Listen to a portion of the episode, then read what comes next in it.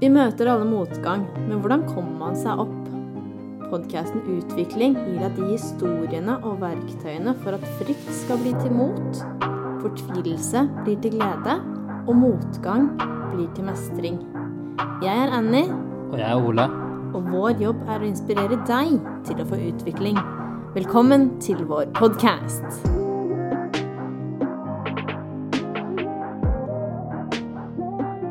Denne episoden snakker vi med Johanne Refseth. Bedre kjent som psykolog med sovepose. Hun er foredragsholder, har en stor følgerskare på Instagram, og også har hun en egen blogg, psykologmedsovepose.no.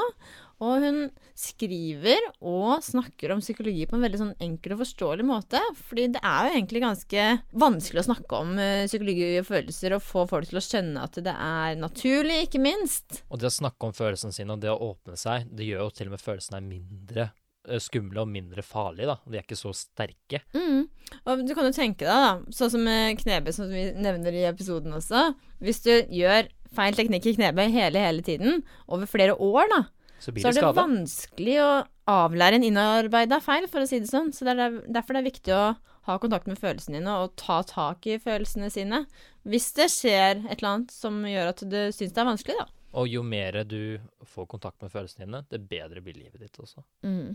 Så god God litt.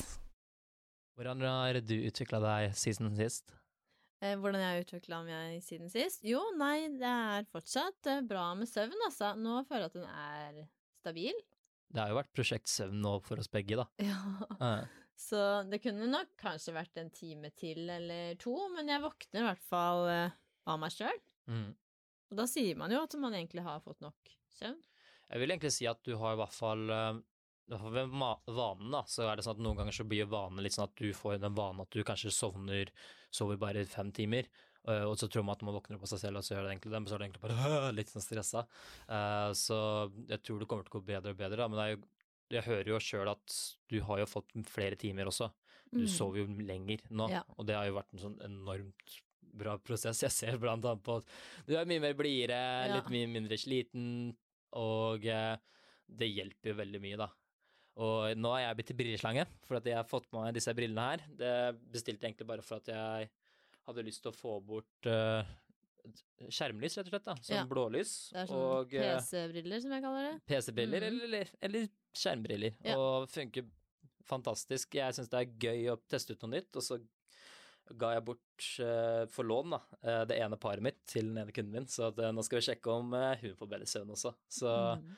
prøv å teste det ut, og så ser vi hvordan det går. Mm. Og vi har nå med oss deg, Johanne. Ja. Så velkommen til oss.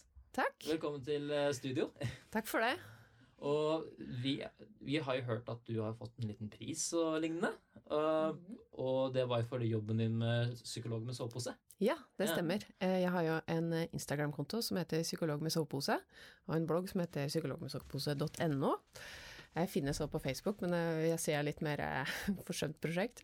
Men eh, det startet i 2017, og det jeg gjør er at jeg da legger ut bilder fra friluftslivet, for jeg er veldig mye ute og sover. Og så skriver jeg bloggposter om psykologi. Det kan være alt mulig fra liksom sorgprosesser til hvilke følelser det er vanlig å ha når du slår opp med kjæresten, til eh, hvordan du kan tørre å gjøre noe som du syns er veldig vanskelig, til ja, egentlig ja, hvordan du prater med kjæresten din for at det ikke skal bli lange konflikter og sånne ting. Ja, egentlig alt mulig. Jeg skriver bare om det jeg syns er morsomt, da, og jeg Mm. hører at folk er opptatt av. Mm. Og eh, her i, eh, på torsdag så fikk jeg en pris som heter eh, Åsa Gruda Skard-prisen fra Psykologforeningen for eh, popularisering av psykologi, da. Og det syns jeg var helt sinnssykt stas. Veldig anerkjennelse. Ja, veldig. Gratulerer! Tusen takk. Det er jo veldig stas, fordi jeg driver jo med noe som er litt sånn annerledes, da, eh, til å være psykolog. Det var jo eh, når jeg starta med det, så, så gikk jeg veldig mange runder med meg selv, om man liksom kunne være litt personlig på Instagram og ha en litt personlig konto, ikke sant. Jeg filmer jo litt fra livet mitt og eh, ja, legger ut mye tull og tøys også. Ja, det syns jeg er morsomt, at det ikke bare er seriøst, men da får du liksom mer deg òg, da. Ja, det er det, og det tenkte jeg, jeg var veldig sånn Du kan jo ikke gjøre det som psykolog, vi er jo så blodseriøse, ikke sant. Dette her har jeg tenkt ekstremt mye på, og liksom når jeg bestemte meg for å gjøre det, så har jeg alltid hatt den derre tvilen om liksom Syns andre psykologer at dette her er lame, liksom? Og så kommer liksom Psykologforeningen og bare yes, det er dritbra. så ja, det var kjempestort, altså. Det Det er var veldig rett og slett noe av det største som har skjedd. det er veldig gøy at de anerkjenner akkurat det, da. At, eh, for du, Mm. jeg føler jo at du treffer veldig godt de du snakker til, da. Og du treffer jo veldig godt uh, de personene fordi at du, du tør å være deg sjøl, du tør å være åpen, og du tør liksom vise at herregud, jeg, jeg kan være sliten og ha dårlig hår, eh, hårdag, og jeg kan, uh, jeg kan liksom uh, skruffe litt rundt omkring, uh, istedenfor at man alltid skal være så eh, så strigla så seriøst, da. Mm. Så kan man være litt sånn køddete og lignende. Å ja, psykologen min kan faktisk være litt sånn morsom òg, da. Og, så det kan jo godt hende eh, til og med pasienten dine syns er eh, veldig behagelig, da. Å vite at du faktisk er menneske også, at du ikke bare er den roboten som står og hører på. Ja, ikke sant.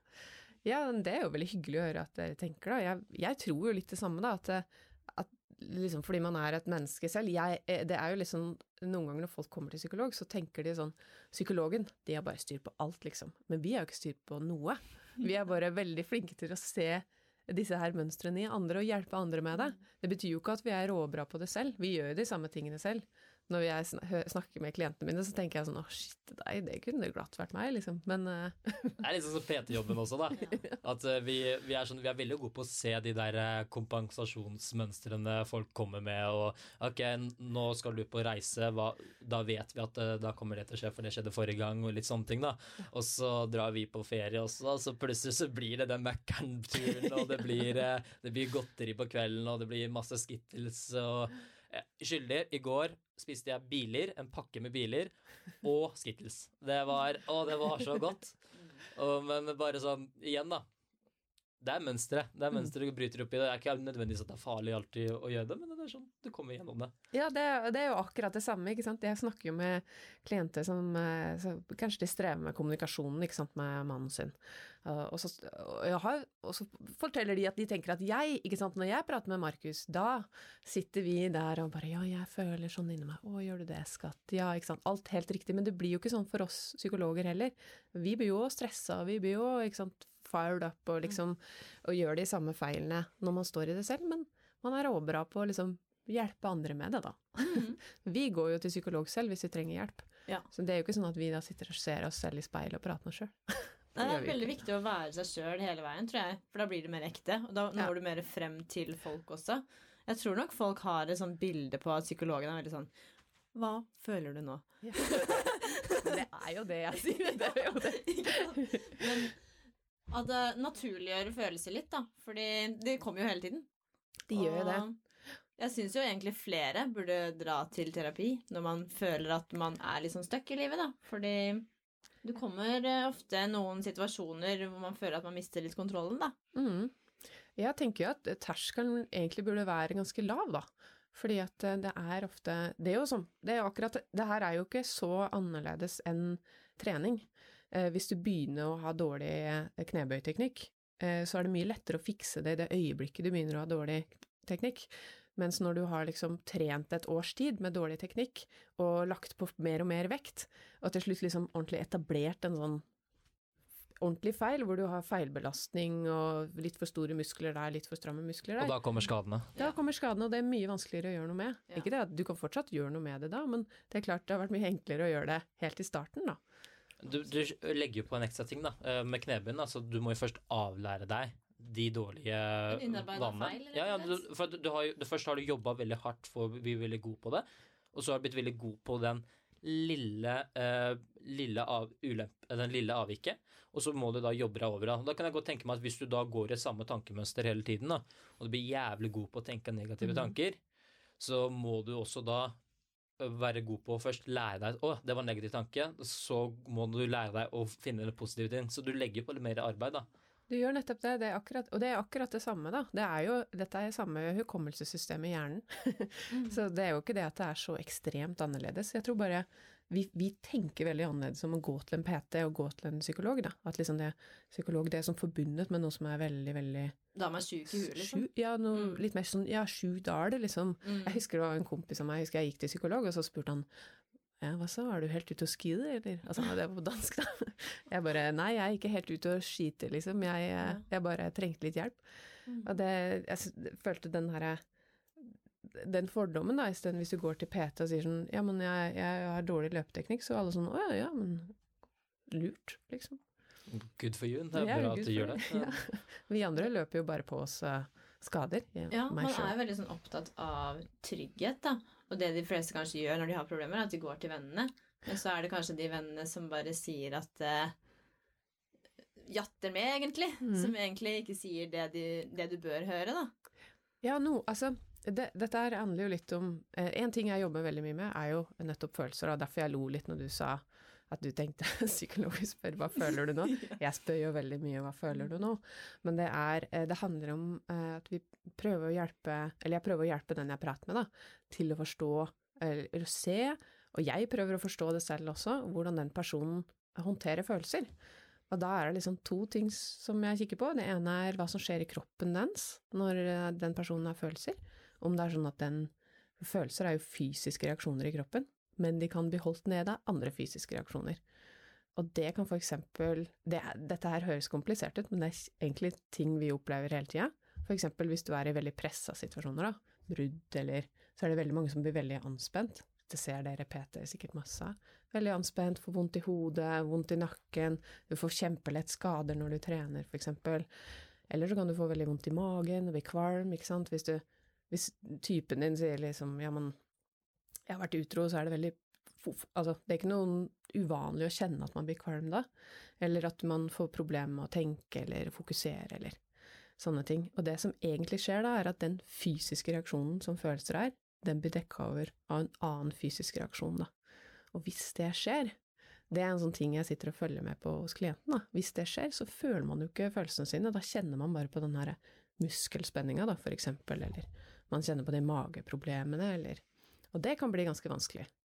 Og så den andre tingen jeg ser på, det er hvordan vi sånn atferdsmessig da, unngår følelsene våre. Hvis jeg hver gang noen spør meg hva jeg føler, så begynner jeg å snakke om været.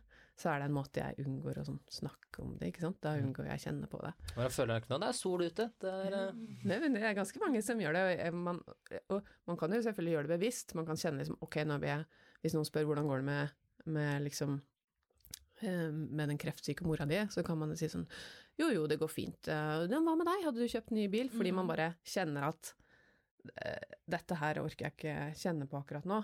Det da er det bevisst. Men hvis man alltid gjør det, sånn ubevisst, da, hvis liksom eh, kjæresten din ønsker å liksom prate med deg om noe viktig, og liksom, ja, og du hele tiden da begynner å snakke om bil eller trening eller noe sånt, fordi du egentlig ikke orker å kjenne på, på hvordan det føles for deg å, å være personlig med en annen person, så blir det et problem.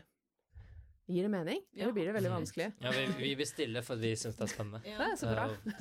Jeg og Ola vil jeg si jeg har veldig kontakt med følelsene våre, og det gjør jo at mange av våre venner kommer til oss når det Så er bra! noe. Ikke sant? Men vi merker jo at eh, det er mange som også ikke vil åpne seg.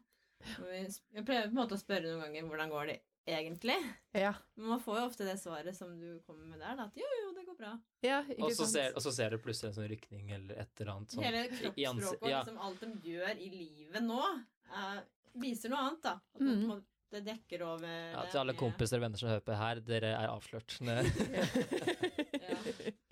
Ja, men det er jo sånn uh, Dette her er jo sånn vi, te vi tenker liksom ja, dette er teori og psykologi og sånn, men psykologi er jo noe vi alle sammen driver med hele tida. Fordi jeg har en syke, dere har en syke. Så det, selv om dette er noe jeg har studert og jeg har øh, lang fordypning i, så er det jo noe Når jeg snakker med vanlige folk uten utdannelse innen psykologi, da, så vet, er jo de sånn ja, ja, selvfølgelig, mora mi hun begynner alltid å ta opp vasken, liksom, hvis hun er sint så, sitter, så sier hun ikke det, hun går og skramler med, Mm. skramler med ting på kjøkkenet, ikke sant? Som er en sånn, kan være en måte å unngå på, da. Få ut frustrasjonen sin. Ja, ikke sant? Sånn, Istedenfor å si liksom, du, jeg ble skikkelig irritert på deg når dette her skjedde, eller, Mm. eller kjenne på det, eller Så de, de fleste vet, de kan si sånn ja, jeg, jeg kjenner igjen dette her, eller jeg vet det. Mm. Men hvordan når man egentlig frem da, når man når man ser på en måte alt tyder på noe annet, da, og man får det svaret. Eh, altså det er jo det at eh, en person kan jo gjøre det bevisst, ikke sant. Den kan jo si ikke har lyst til å snakke med meg om det, så det jeg ofte gjør, er jo bare å si sånn du, det virker som du kikker vekk eh, hver gang det kommer opp noen følelser. Altså hver gang vi snakker om noe som er litt sånn viktig, så kikker du bort. Er det noe du kjenner, er det noe du gjør fordi det blir vanskelig inni deg, eller er noe du gjør fordi du kjenner på noe? Og så kan den personen si ja eller nei, ikke sant. Den kan jo si nei, jeg syns du har fin vegg.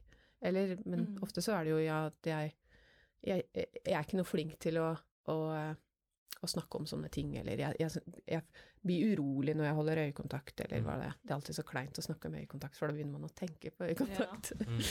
Men eh, ja, men ja, hvor de eh, Så det jeg gjør hvis jeg ser noe, er på en måte at jeg, jeg stiller bare den personen jeg prater med et spørsmål, liksom.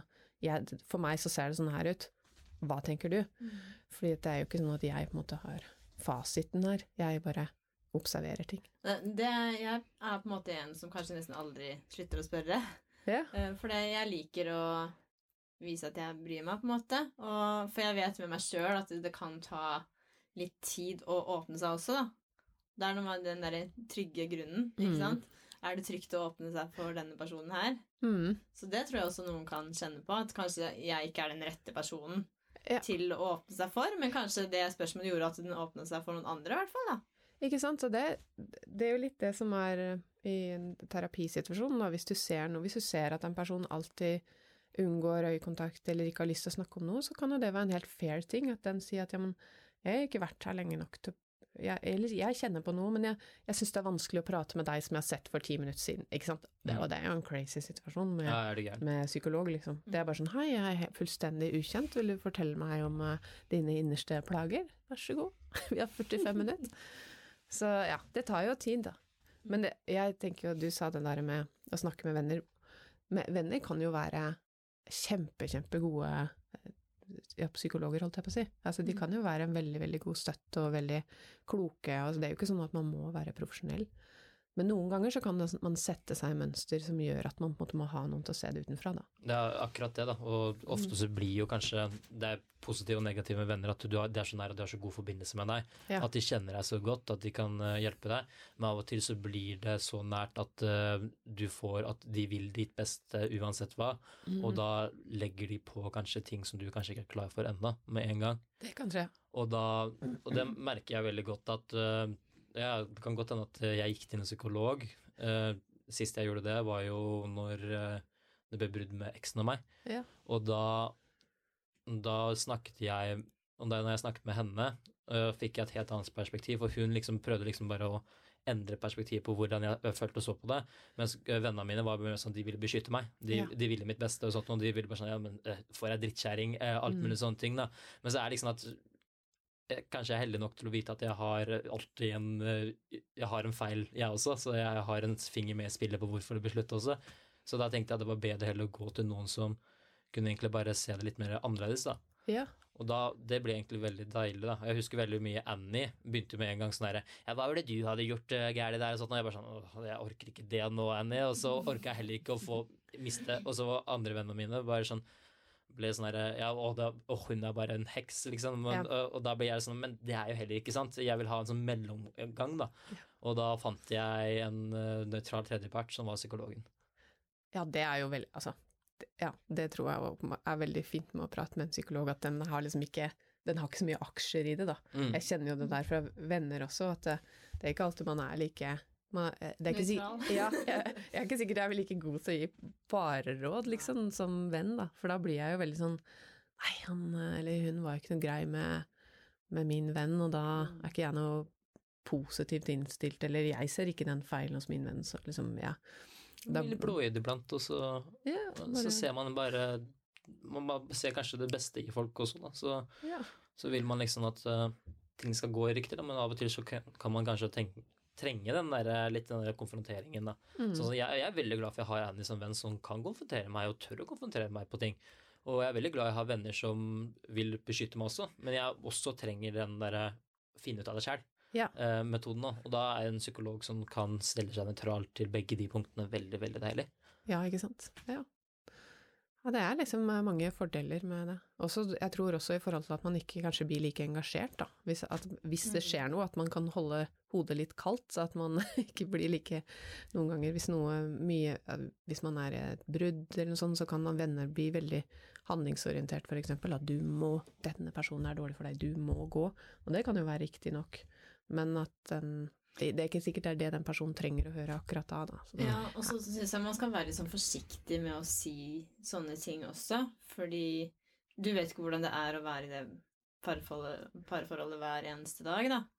Og kanskje fordi den personen som sier det, ikke liker den personen, mm. skal det være en eh, mening som skal gjøre at du kanskje gjør det slutt, da, istedenfor at du kanskje drar til en parterapeut og på en måte prøver å fikse noe som er litt ødelagt, da. Ja, ja ikke sant. Det, det er vanskelig å vite hva som foregår i et parforhold når man ikke er eh, i det selv. Mm. Jeg syns noen ganger det er vanskelig å vite hva som foregår i et parforhold når man er i det selv også. Nå kommer vi jo litt sånn inn på det med omgivelser og sånn. Og følelser er jo en reaksjon på de omgivelsene man er rundt. Men omgivelsene er jo også venner, familie og sånne ting. Hvor viktig vil du si at det er innenfor det med psykologi? Man blir litt sånn som man omgås, som man sier. Eller den mentale helsen. Ja, altså, men det Når man har fulgt eh, personer over tid, da, og målt på en måte litt sånn enkelt sagt lykkenivået deres, så har man funnet at den ene faktoren som er altavgjørende da, for hvor glade vi føler oss, eh, eller hvor godt vi håndterer eh, de opp- og nedturene i livet, eh, det er gode relasjoner. Og det trenger ikke være mange relasjoner, men det er at man har noen nære relasjoner som man liksom kan betro seg til, og som er der for deg igjennom livet, da. Så det er, eh, det er nok det som er aller mest viktig, da. Mm. Jeg har jo en kompis som eh, faktisk valgte å slutte å drikke helt. Mm. Fordi han følte at de omgivelsene var bare sånn festevenner, rett og slett. Ja. De ble jo borte når han sluttet å drikke, for å si det sånn. Ja. Så de sier litt hvor uekte det var, da. De Ja. relasjonene han hadde da. Ja, det er litt mer sånn eh, venner som var i en, en kontekst fordi de gjorde noe sammen, liksom, mm. men ikke nødvendigvis at de hadde så nært forhold, kanskje. Ja. Så det han gjorde da, var at han tok, kon- øh, tok rett og slett bare tak i seg sjøl. Og tørre å være mer alene og kjenne på det å være alene. For det merker jeg at det er mange som ikke tør. Mm. Uh, og det har vi vært veldig flinke på også under korona og sånn. Man har på en måte litt, blitt litt sånn tvunget uh, til det. Men jeg ser jo at det er mange som har slitt skikkelig med det. Ja, det er eh, Altså, det med å være alene er jo um, det, det kan vekke mye i oss, da, men det kan blant annet vekke, vekke følelser. eh, og noen mennesker gjør jo det at de alltid er sammen med andre, fordi da trenger de ikke kjenne på det som skjer når de er aleine, da. Det kan jo være alt av følelser, ting, reaksjoner på ting du har vært igjennom, kanskje, eller det kan være at du føler deg ensom, eller at du kjenner du savner noen, eller for noen er det jo veldig deilig å være alene, så de liksom har bare god Eller sånn har føler glede og sånt. De Så- lader seg opp. Ja, ikke sant. En annen type, da. Så, um, så det hvis, hvis man har litt tendens til å liksom eh, frykte de her fysiske reaksjonene når de kommer opp, da, at man kjenner at det, Oi, nå kjenner jeg meg lei meg fordi jeg er aleine over lang tid. At de sånn blir redde eller kjenner Å, shit, det må jeg gjøre noe med. Mhm. Da kan det bli veldig vanskelig å være aleine, da.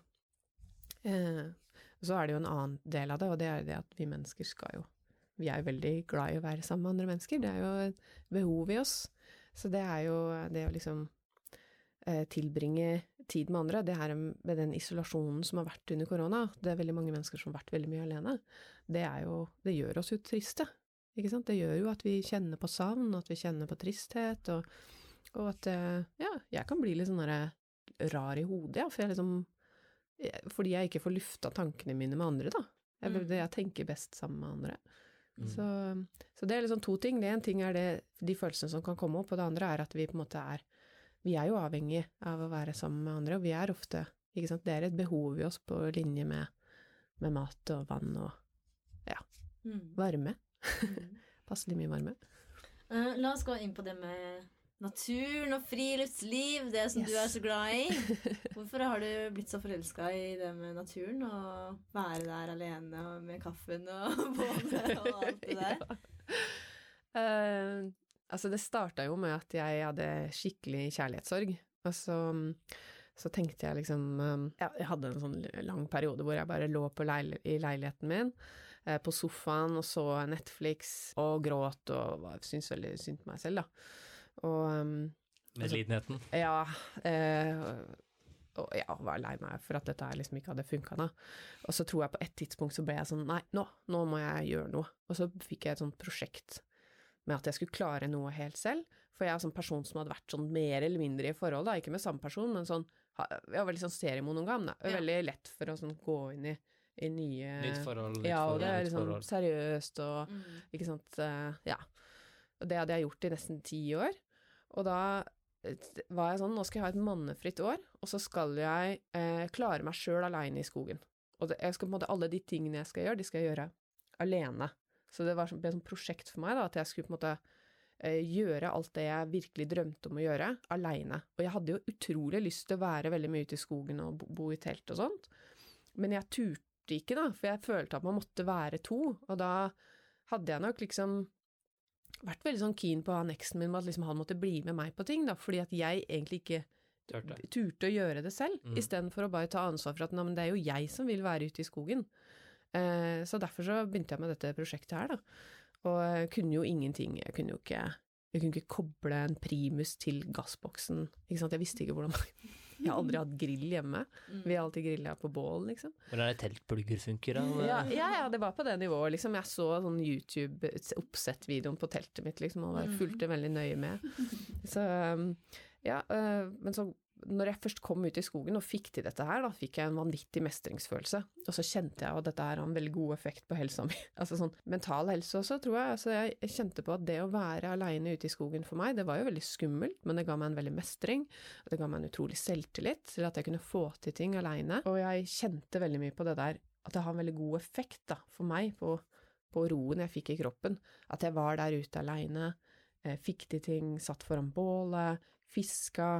Em, og, fikk en annen ro, da, som jeg nok egentlig har kjent på før, men det som jeg, jeg ikke har ikke har gått all in på, da. Når du går tre-fire timer i skogen, så får man det jo bedre, men jeg får det veldig mye bedre hvis jeg faktisk er der en natt, da. Jeg tror jeg er veldig avhengig av den natta. Altså det, det jeg merka når jeg har hatt kjærlighetssorg og sånne ting, er jo det at det er ofte på natta de tankene kommer. I hvert fall for meg. Jeg vet ikke om det er sånn for alle, men jeg tror det er sånn for mange. Fordi det er en grunn til at det påvirker søvnen. Fordi du sitter der i fred og ro, stille, og du har egentlig bare deg og tankene dine, da. Ja, det, men det er sant, fordi da er det liksom Det er jo litt det jeg snakker om, at du kan distrahere deg sjøl litt fra hva som foregår i kroppen din, ved å tenke mye eller føle deg opptatt, eller se på TV eller drive med telefonen eller sånn, men når du skal gå og legge deg, da har du ingen distraksjoner, og da kommer gjerne følelsene opp.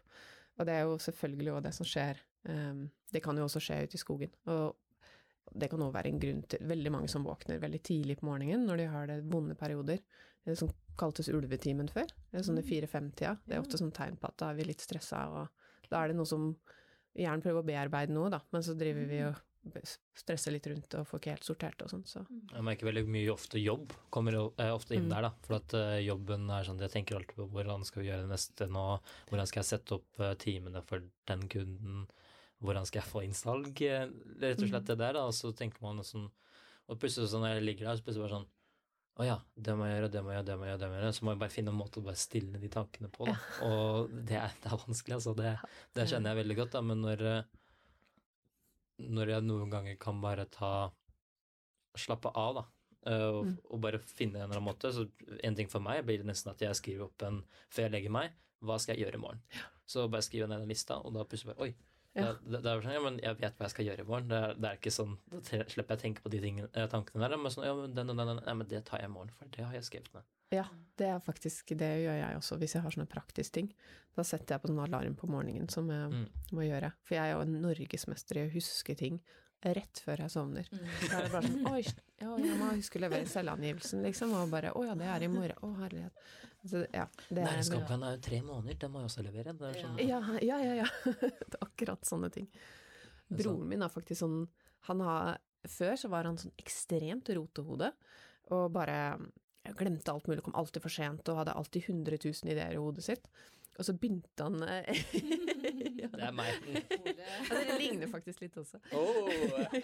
Men han er veldig, veldig flink på det han gjør. Da. Han er utrolig dyktig musiker og driver med foredrag og har drevet med stumpsemi. Han liksom finner på masse ting, ikke sant. Men han måtte begynne med noe som heter Getting Things Done, som, han, som er sånn veldig sånn organiseringssystem, da, hvor du skriver ned alle ideer og arkiverer de, og lager et eget system for når du tar de frem og kikker på det igjen. At jeg, ja, hans, ho- altså, han har blitt bare en mye roligere person, for han er sånn sprudlelur som bare bobler over av ideer, og når han ikke får strukturert det, så blir det bare total kaos. Det er Det helt koker, det koker litt over, for å si det sånn. Da. Det koker litt over, men det er fantastisk å se på han nå, da. Han sitter jo og skriver ned alt mulig, og ja. Jeg tror det er utrolig viktig når man har sånn hode som både jeg og Ole egentlig har, som bare flyter over noen ganger, at man strukturerer det bra, Ja. og at man ferdigstiller ting, ikke Ja. minst. Altså, jeg kjenner jo en utrolig mye mer ro i kroppen når jeg har ferdigstilt ting. Altså, utrolig deilig. Sånn der, åh, Ja. endelig er det levert, og endelig er det gjort ferdig. mm. Det var flere enn meg som venta med næringsoppgaven til nå. Nei, eh, den, den leverte jeg faktisk i mai. Ja, den tok jeg under korona, faktisk. Ok, ok. Jeg gjorde den den 31. Mm. Ja, men uh, hun, er bo, uh, hun er Leirås, hun uh, satt med den til For hun driver en veldedig organisasjon også. Ja. Så hun satt jo med den til i går eller noe sånt, og, Oh, herlighet. noe sånt og holdt på med den. Åh, stakkars dame. Så det blir gjort, da. Sånn, men liksom, det er litt samme som når du har Når du har først gjort noe sånt, og når jeg har levert de treningsplanene og alt med sånne ting, da, så blir det sånn der ah, Ja. Klapp på skulderen, liksom. Eh, Da er jeg veldig stolt av meg selv, da, så kommer det en, en ting til, da. Men jeg, jeg bare husker, du nevnte litt når du først begynte å være ute i, og du skulle lære deg hvordan du bruker f.eks. primus, hvordan setter opp telt og lignende. Jeg kan godt tenke meg at det også bare, det å bygge den mestringsfølelsen, bare med å gjøre de små tingene, bygge deg også opp. Ja, ja, jeg gjorde det. Og det, eh, det man trenger jo ikke drive med friluftsliv. Jeg vedder på at dere ser det i deres klienter Ja, jeg, hele det var derfor jeg ville nevne det nå, for jeg ser det så sinnssykt godt bare når, eh, bare når jeg ser på Jeg har en kunde nå som har vært på meg tre ganger nå, og vi har begynt å gå gående utfall. Og i starten var det skikkelig vinglete, og det var liksom, liksom side til side, da, men jeg bare sånn Ja, kjempebra. Du, du gjorde det, du, du klarte å holde beina på streken. Og så nå eh, så var det sånn tredje gangen nå, så var det sånn, nå kjørte du tyngre vekter, det var litt tungt, men balansen, men det så veldig fint ut, da. Det var veldig lite vingling og sånt, og jeg bare sånn, jeg bare, hva har skjedd nå? Nå er det jo balanse her, nå er det kjempebra.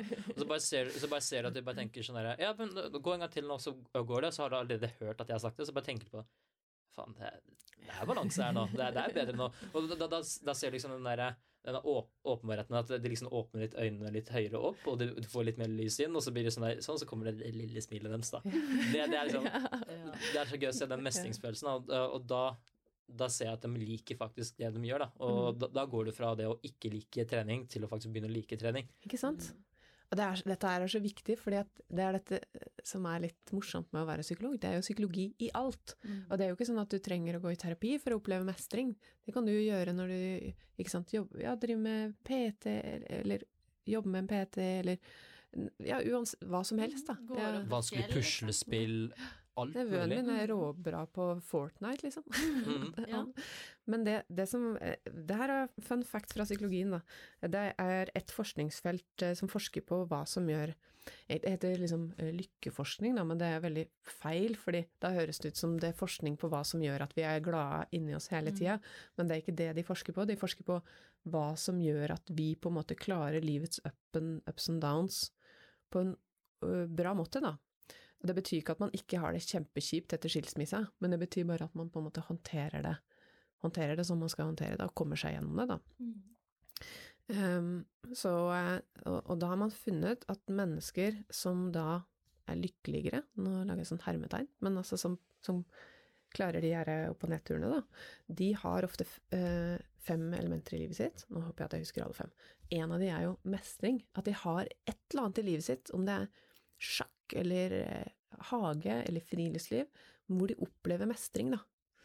Eh, og en annen ting er at de har et sted hvor de opplever litt sånn at man blir oppslukt av noe. Eh, flow heter det, men det handler egentlig bare om at du, du vet det Du øyeblikket havner i hvor at flytsonen, og at du, Ikke sant? tiden står stille, på en måte. At, Ja. Eller tiden flyr uten at du legger merke til det. Da har du bare så gøy. Det er akkurat det, ja. Og det, og det kan være hva som helst også, men du har et eller annet som gir deg det. At du har gode relasjoner, og at du har eh, noe som gir deg positive følelser. Og nå husker jeg ikke den femte, men det gjør jeg sikkert snart. Så skal jeg bare Ja.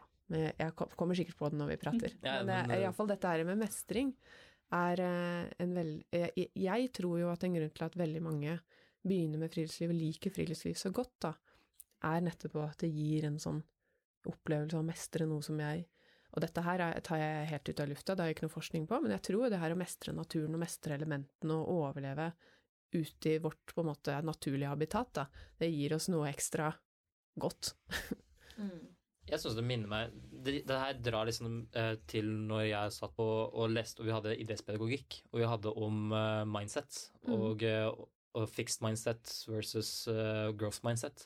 Og det er liksom det at vi fokuserer på vanskeligheten, og de fokuserer på det å kunne jobbe, jobbe seg opp, da, og jobbe på at de liker liksom løse oppgaver, og de liker liksom prøve å komme seg videre, da. Og det har også vist at de har også bedre suksess generelt, da, i bl.a. idrett, i, i Mm. arbeidslivet generelt, da, og de da klarer å lage de strategiene for å jobbe inn, da. Mm. Og så en annen ting som jeg tenker på nå, da, det er at eh, de beste Det var en bok, eller så var det en podkast jeg hørte på, at eh, de beste, de beste Navy Seals-rekruttene, det er de som, eh, og de som holder ut lengst i gamet, det er de som faktisk klarer å bryte ned eh, oppgavene til enda mindre oppgaver, da, så de kan klare å se mestring eh, fra, på Mm. hvert steg av gangen. Da. Og de som når lengst, da, det var de som klarte å bryte opp eh, Hvis det er en veldig vanskelig oppgave, og dette klarer jeg ikke, så ja, men da bryter jeg det opp enda mer. Og da brøt de opp enda mer igjen. Da, så til slutt så var det bare sånn det bare å komme seg opp, gjøre den eh, pushupen, og så bare gjøre en pushup til, en pushup til, en pushup til. Da. Ja. Eh, Det er litt samme som at når jeg trener sjøl, og jeg syns det er drittungt å dra en uh, hard rep, da. Og jeg bare sånn herregud, vet ikke om jeg orker å ta tolv stykker av eh, 36 kilo. Og så, men så bare begynner jeg, begynner jeg sånn Men tolv stykker, det er fire tresett, det. Så jeg bare tar én, to, tre. Ja. Én, to, tre. Det er to. Én, to, tre. Nå er det tre. Og én, to, tre. Yeah. Faen, jeg klarte det! Jeg, jeg klarte det, liksom. Jeg klarte det, Og da, da får jeg den mestringsfølelsen, da. Og jeg tror veldig mange kan ha veldig godt av å liksom bryte opp i den måten også, da. Mm. Og istedenfor å bare se på at eh, å ja, jeg, jeg, skal, jeg klarer dette uten noe problem, da, for da har du også den derre fixed mindset, da, eller prestasjonsrettet, eh, rettet, da, som du bare skal vise for å vise deg frem. da. Bare sånn, å, jeg klarte tolv uten slite, da. Mens jeg telte som bare faen for å få det til. da. Jeg måtte bryte det så mye mer ned, men allikevel, jeg klarte det. Ja, ikke sant. Men det, det er jo eh, dette, dette er jo en veldig viktig ting, da. At du, hvis du Det må jeg ofte gjøre i terapi òg, fordi når folk eh, det er, det er veldig mye likhet mellom terapi og trening. Men eh, når du skal prøve å lære deg å kjenne etter på følelser, da, hvis du skal prøve å tåle å kjenne litt på den fysiske opplevelsen av en følelse, så må jeg ofte hjelpe klienten å si at vet du hva, nå klarte du å holde den i iallfall et helt minutt. At nå kjente du på den følelsen, du klarte å forklare den, du klarte å, å se hva det handla om, mens at for to ganger siden så, så kom du ikke ned dit i det hele tatt. Da var, ble du bare anspent, og, og da kom alle de her selvkritikkene og sånt. Og at du må på en måte hjelpe klienten å se at 'oi, her mestra du noe som var utrolig bra', 'å, nå har du gått et lite skritt til', eller ikke sant, fordi man, man selv ikke man ser det ikke nødvendigvis, Mm. fordi man jobber så sinnssykt hardt. Ja. Altså, terapi, det er ekstremt slitsomt for de som, som er i terapi. Det har trening for hjernen, det. Ja, det har trening for hjernen, eh, så du liksom det, Men det å, å hjelpe de og si at se, nå tok du den, nå tok du Mm, Det går Oi, faktisk fremover, da. Nå går det fremover, og det du gjorde nå, det var kjempebra, eller det du klarte nå, nå klarte du noe du ikke klarte sist gang, og liksom eh, Nå fikk du vippa på det mønsteret du har hatt med deg fra barneskolen, ikke sant, Mm. bra jobba.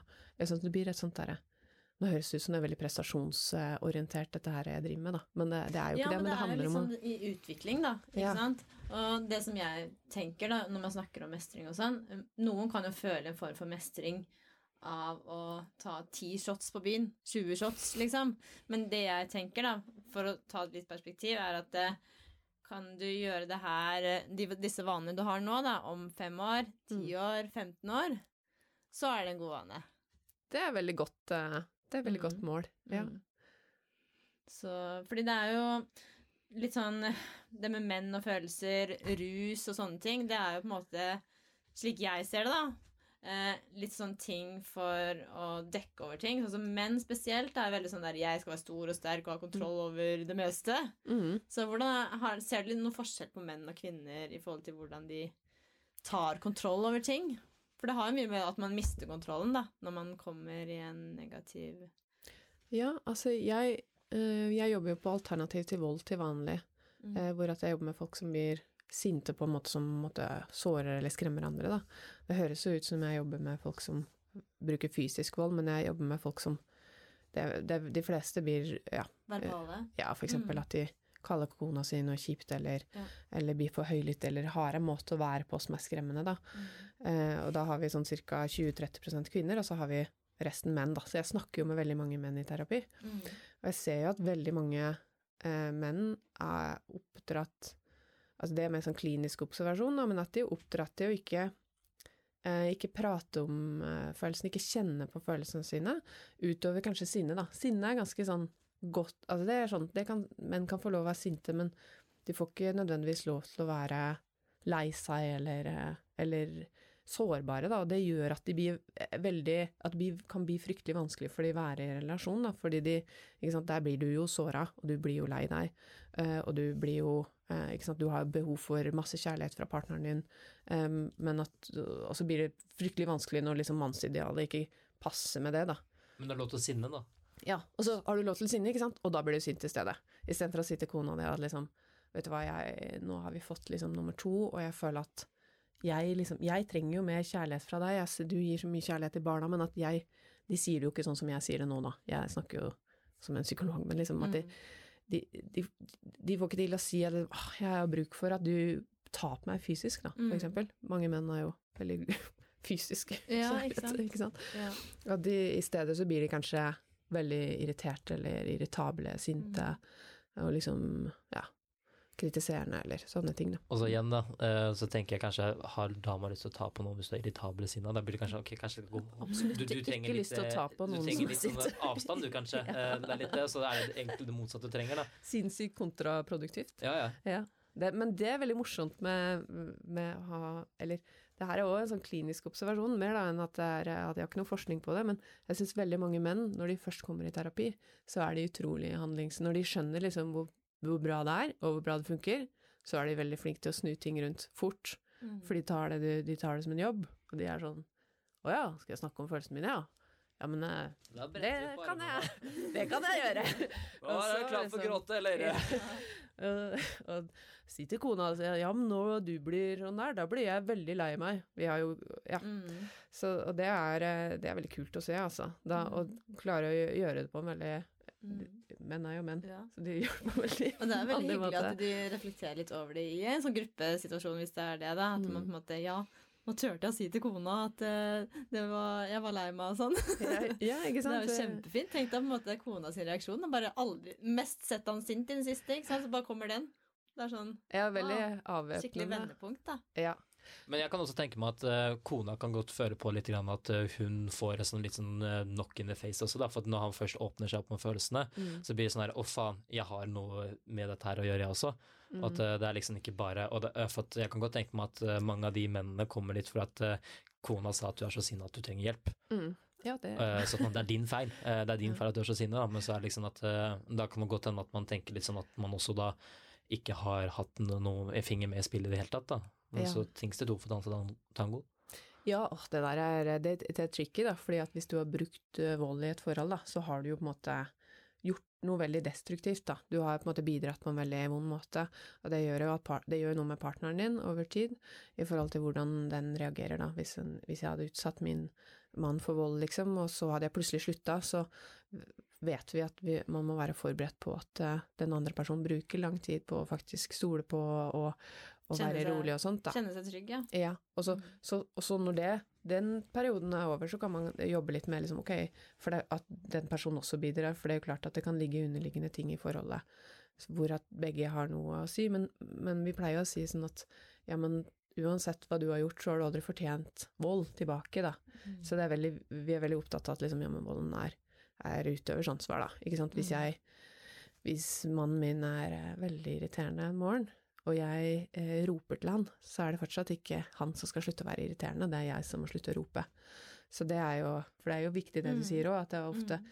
Ikke sant eh, Ja, jeg ba- ba- bare lurer på, for Det er derfor jeg ville ta det opp også, da, for at jeg Mm. ser veldig godt at eh, det kan skape gnistinger. Ja, ja, ja. Og det kan jo være vanskelige ting. Ikke? Det kan jo være at, eh, at den personen uh, som går i terapi, kanskje har, sliter skikkelig i det forholdet, eller føler seg lite sett, eller føler seg mye kritisert, men at den ikke klarer å sette ord på det, og isteden blir sint, da, eller Mm. utagerende. Og så, så sier de ja. Men sånn når man får jobba med det i terapi, så får de kanskje sagt at ja, men jeg opplever når du sier sånn her at jeg blir utrolig lei meg over tid, jeg jeg føler meg veldig liten, eller Og, det, og, så, og så må jo den andre liksom mm. respondere på det, og, se, og så kan de se om de kan finne ut av det, da. Mm. Jeg vil jo tenke at uh, slike reaksjoner som det der, da, kommer fordi man føler seg utrygg, da. Så blir det på en Mm. måte en måte å Jeg vet ikke. Mm. Det er litt vanskelig å beskrive, men det er, måte, det er jo noe utrygghet der, tenker jeg, som Ja. gjør at de reagerer som de gjør. Ja, hvem er det du tenker på nå? De som eh, blir sinte, da. Ja, ja det, er eh, veldig, det er veldig mange som uh, sliter med sine problemer, som har med seg veldig mye altså, Bagasje. tre, bagasje. Ja. Mm. Er Sånn, de har kanskje ikke lært å snakke om følelsene sine, eller de har kanskje foreldre som har vært sinte eller eh, ikke at de har vært sinte, men at de har vært aggressive og skremmende selv, ikke sant? så de har kanskje aldri sett det har vært løst på en De har aldri sett en pappa si til en mamma at liksom Det der Du må gi meg litt mer klem, Mm. liksom, fordi ja, og jeg trenger litt fysisk kjærlighet, Mm. eller hva man nå, hva man nå trenger. Eh, De har bare sett den her kranglinga, så da har de ikke noe å gå etter, eller Eller kanskje de har hatt foreldre som har vært veldig lite til stede, eller de har vært utsatt for mobbing, eller Vi ser at det er sånn trau, altså, vi sier traumebelastning, da, det vil si liksom kjipe ting du har opplevd i livet. Mm. De har litt, litt høyere traumebelastning enn for eksempel de som er i går på DPS i psykiatri, altså Mm. Gud, dette her blir veldig faglig. Eh, De som går i terapi i, sånn eh, ukentlig, da, Mm. og for andre ting. Mm. Eh, mens at de som strever med vold, bunn, har, ja, mm. de Mm. som strever med vold, har litt flere traumer enn de, da, på gruppebasis.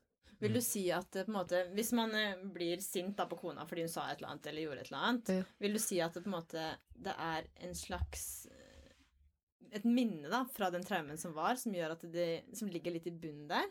Det kan godt skje. Det kan jo Mm. være med alle følelser. At eh, hvis man kjenner Ikke sant, hvis at eh, eh, kona eller mannen gjør et eller annet som minner deg veldig om ikke sant, oppveksten din, så kan det blande seg litt i hodet, og så kan man bli sint som om Mm. dette er mora di, liksom. Nå, jeg skal Mm. prøve å forklare det, ikke sant. Du, Mm. eh, hvis du har hatt en eks da, som alltid har kritisert deg for, ja, for hva du har hatt på deg, og så eh, blir dette slutt, og så går det et par år, og så treffer du en ny eh, fyr som eh, spør sånn eh, 'Å, skal du ha på deg den der?' Og så hører du i hodet ditt det eksen alltid kritiserte deg for, og så blir du sint på den nye kjæresten din, som om han hadde kritisert deg for alt det, ikke sant. Så følelsessystemet reagerer veldig på assosiasjon, da. Det er veldig sånn Mm. grovmaska. Det er litt sånn 'Oi, Mm. dette her ligner litt på dette her, nå bare Ja. kjører jeg på'. Så det, det kan godt skje. Og Ja, det er veldig fascinerende. Men det- det man litt- tenker jo ikke så mye over Ja, ja. det, egentlig. Men jeg vet jo at jeg har reagert masse sånn når Ja, jeg har fått sånne ting som Og og da kommer vi tilbake til det der med, det der med knebøyen. da, At eh, Mm. dette her er jo innarbeida mønstre du har jobba inn over på veldig lang tid. da, Og med en gang du Jeg elsker å ta Jeg bruker i hvert fall knebøy og sånne ting. Jeg bruker et eksempel på at du har en firefeltsvei.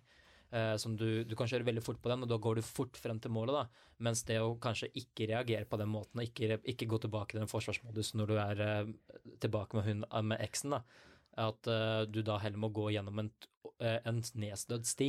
Og da må du tråkke på veien før du kan begynne å bygge traktorvei, før du kan bygge firefeltsvei. ja, og det, det som er litt uh, viktig å si da, er at selve følelsen, ikke sant, det at du har en blir sint eksempel, lei deg, såra, alle de følelsene fra den gangen kommer opp, det er på en måte ikke, det er ikke noe galt med det, det er bare sånn som skjer, men det hvis du da på en måte holder det nede og sier hei, hvorfor kritiserer du meg alltid?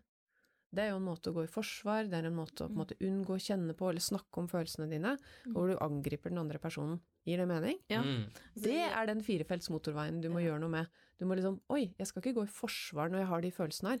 Da må jeg faktisk kjenne litt etter og Mm. tenke litt på ok, hvor kommer det fra, og så kanskje jeg kan si til typen min at vet du hva, jeg skjønner at du ikke mente det på den måten her, men jeg ble bare så lei meg. Er det Syns du jeg har stygge sko, liksom? Eller ja, Mm. Mm. Ja, jeg tenker på en måte at det skal være Man skal ta seg sjøl litt i det, da. Mm. Bli litt mer bevisst på sin egen væremåte.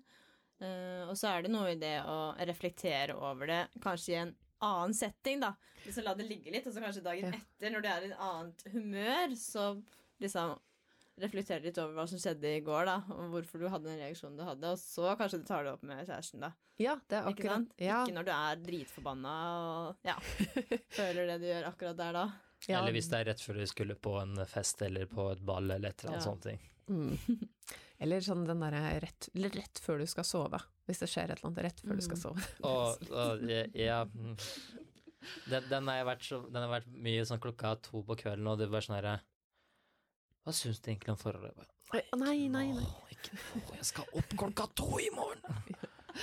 Ja, det er eh, den derre den der 'du må aldri legge deg sint', den har jeg lagt litt bort. At, Mm. For jeg, jeg må sove først, og så må jeg snakke når jeg har fått sove, hvis jeg får sove, da. Men liksom um, men, men for å si det, det det handler om, er jo på en måte å Det som fysisk skjer i kroppen din, de følelsene som kommer opp, de, de er der. De, på en måte, de reagerer på omgivelsene dine, de er signal, signaler, de er egentlig bare info for deg. Uh, og det som er trikset, er å på en måte ikke eh, ikke unngå de på en kjip måte, da, eksempel ved å gå rett i angrepsposisjon på, på kjæresten din, at du liksom ja, nei, hvorfor gjør du det der, eller eh, kl Klassisk eksempel er hvis du blir bedratt, da, ikke sant, at noen har vært utro mot deg, og så eh, kommer den nye dama di, og så sier eh, jeg har hun en bestevenn som heter Roger, og så får du liksom alle de her følelsene opp igjen fra det forrige forholdet.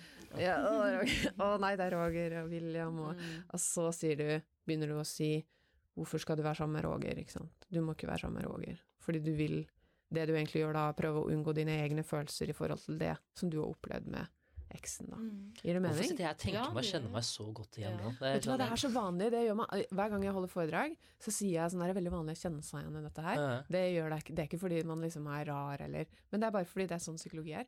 Nei, Prøv men å nå- lese nå sitter psykologi jeg- Nå fem sitter jeg år. og tenker på, nå sitter jeg og tenker på forholdet, jeg, så Ja, men så bra, da. Men det er jo så bra å tenke gjennom hva man gjør når man har følelser, tror jeg.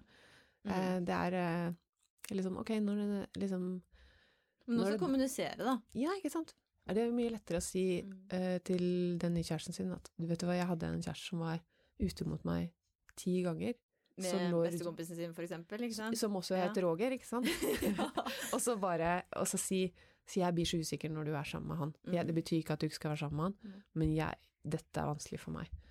Det er en måte, da kan du si det, det kan Mm. være der, du kan på en måte Og så kan det jo hende den nye dama di bare sier 'herregud, så teit du er', men da er det ja, da, da, da har jeg kanskje skjønt at ok, men det var greit, da, da tar ikke vi og gjør det videre, da. Eller det kan faktisk være såpass eh, enkelt som det, da. At, eh, Sånn er, for at eh, det er ikke gøy å bli beskyldt for å være utro hver gang du er med noen av det motsatte skjønn, hvis Nei. til, til og med er jobbrelatert, eller om det er en hobby, og du f.eks.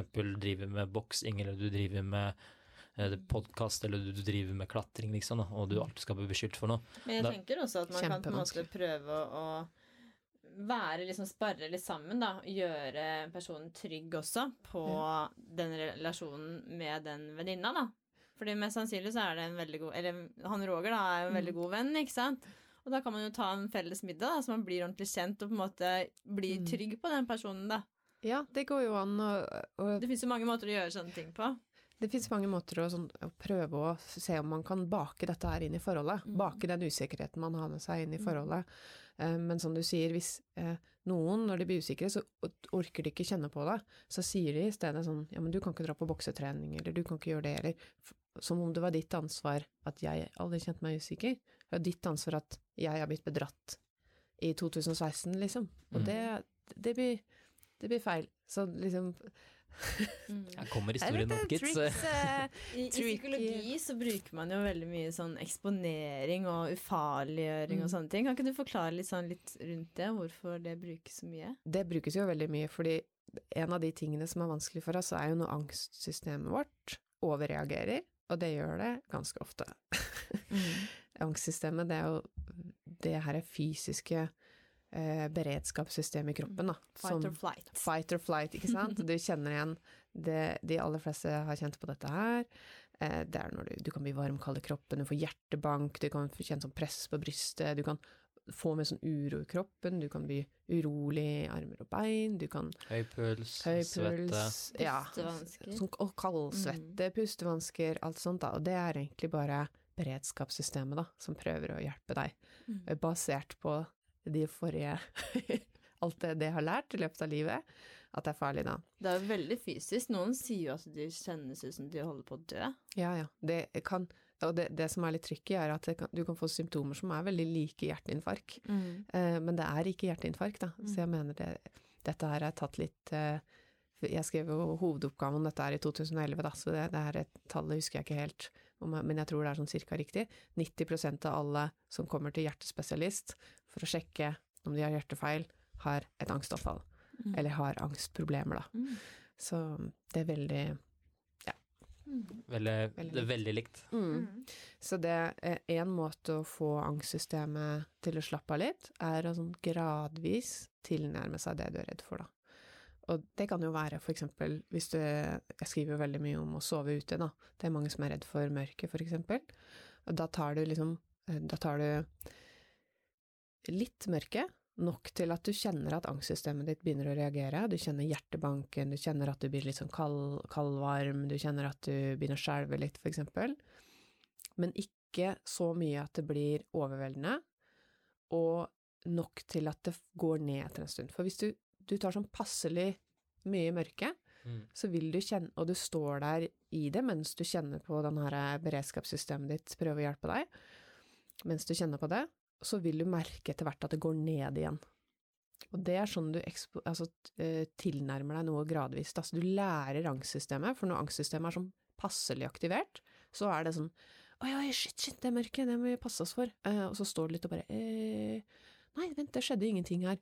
Og så sier angstsystemet til Det er mørkere er mørke du må være redd for, og så Ja, går du det liksom gradvis nedover, da. Ikke sant, så, så skjønner angstsystemet at å ja, nei, det var ikke så farlig det her, nei. Nei, ja, men da trenger vi jo ikke vi reagere på det. Og så slutter du å reagere. Mm. Så sånn, Kanskje da vi begynner å rive opp den der firefeltsveien mot uh, skremsel, da. akkurat, ja, du relærer noe uh, følelsesmessig, da. Og det er jo litt uh, tricky, fordi man kan jo være redd for følelser. Mange ha, får angst når de har mye følelser. At de blir redde rett og slett fordi det kommer opp noe inni de, da. Og det er jo litt uh, Det er egentlig det jeg driver med i terapi, at vi sånn eksponerer de sånn litt og litt til å kjenne på litt sorg, for eksempel. eller Kjenne på litt sinne, eller kjenne på kjærlighet, eller Ja. Jeg vet ikke om det gir mening. Jo, men- det er akkurat det samme som at eh, du vet eh, når eh, Igjen, vi er jo Peter, så vi jo snakker bare om trening. Eh, men at Jeg elsker trening, så det passer veldig bra. Ja, men det, det ser vi på, da. Det er litt samme som at når du får en ny kunde, og de har lyst til å gjøre det alt sammen og bli så veldig bra, da. Og du kjører den på med full guffe på en trening, da, og den blir så kjempestøl, og den blir så vonde, og det, det er sånn at de går som De går som de, de går som de ikke har bein lenger, da. Eh, og det er bare gelé i beina sine og alt mulig sånt, og de er fryktelig støle, og alt gjør vondt, da. Det har gått for mye, da, men hvis du bare gradvis legger litt inn, litt inn, litt mer, litt mer, gradvis øker nå, så vil kroppen tilpasse seg mer og mer og mer, og du blir sterkere og sterkere sterkere, istedenfor å hoppe rett ut i dype endene av, av bassenget og prøve å svømme med en gang. da. Ja. Sannsynligheten er så mye større at du drukner, enn at du begynner å ta eh, svømmetak der du kan stå. Ja. Og det her er jo Eksamen er jo en veldig sånn typisk eksempel her, da. For det er veldig mange Når jeg gikk på skolen, så hadde vi jo ikke muntlig eksamen. Vi hadde ikke noen muntlig type sånn situasjon før tredje klasse, liksom, hvor du skulle til eksamen. Muntlig eksamen. Så det, det var jo bare sånn ikke noe eksponering, ikke eksponering, og så bare ja, vær så god, her er standpunktkarakter. Ja. New panic now, liksom. Så det å liksom lage det opp for seg selv, altså lage seg til en eksamenssituasjon, med eksempel to øh, rølpete kompiser, kanskje kan starte med. Det blir sånn passelig angst. Og så stå der og presentere for de, og så presentere kanskje for to litt mer seriøse kompiser, og så kanskje for foreldrene dine, ikke sant, og så øh, for læreren din, og så kanskje du kan sitte foran en sensor uten at Altså, du skal jo kjenne på litt angst når du eh, fordi angsten kan jo gjøre deg veldig skarp, og den kan gjøre at rett og Ja, slett. skjerpa. Du kan bruke dette her Mm, til å godt, gode ting også. Det er Ja. grunn til at vi har angst. Ja, og det, det gjør jo veldig mye godt for oss. Jeg, jeg holder veldig dårlige foredrag hvis jeg ikke er stressa først, faktisk. Hvis du avslapper, sånn, da blir det litt Ja, for uh... bare daller rundt. Ja, det, jeg vet, jeg mangler energi, Og liksom. så får du angst av at du daller rundt, og så blir du skjerpa. Ja! det er derfor jeg sier. Må ha litt angst. Nei, men eh, det handler om den derre gradvise tilnærminga, da. Og, og på den måten må også roe deg ned. Mm. Og det, man kan jo si det samme med andre følelser også, det der med sjalusi, da, at hvis du, hvis du får veldig sterk reaksjon hver gang eh, dama di skal ut med Roger, så, så kan du liksom ta det litt eh, ja, Nei, det blir vanskelig å gradvis eksponere der, da, men at du iallfall Ja, jeg tenkte litt hvordan jeg skal gjøre dette med Roger. ja. ja. Ok, nå får du fem minutter med Roger, men nei, men at du, at du Man må jo la eh, folk gjøre det de, Ja. det de vil. Så, men at eh, gradvis la seg selv prøve å kjenne litt på de følelsene man har i forhold til det, da. Kanskje snakke litt med noen, kanskje ringe en kompis. Kanskje, ikke sant, eh, ok, nå skal jeg se, ha en yndlingsserie som jeg skal se litt på, eller Men sånn, og så tillate seg selv å kjenne litt, men ikke så mye at det blir overveldende, liksom. Mm. Gir det mening? Mm.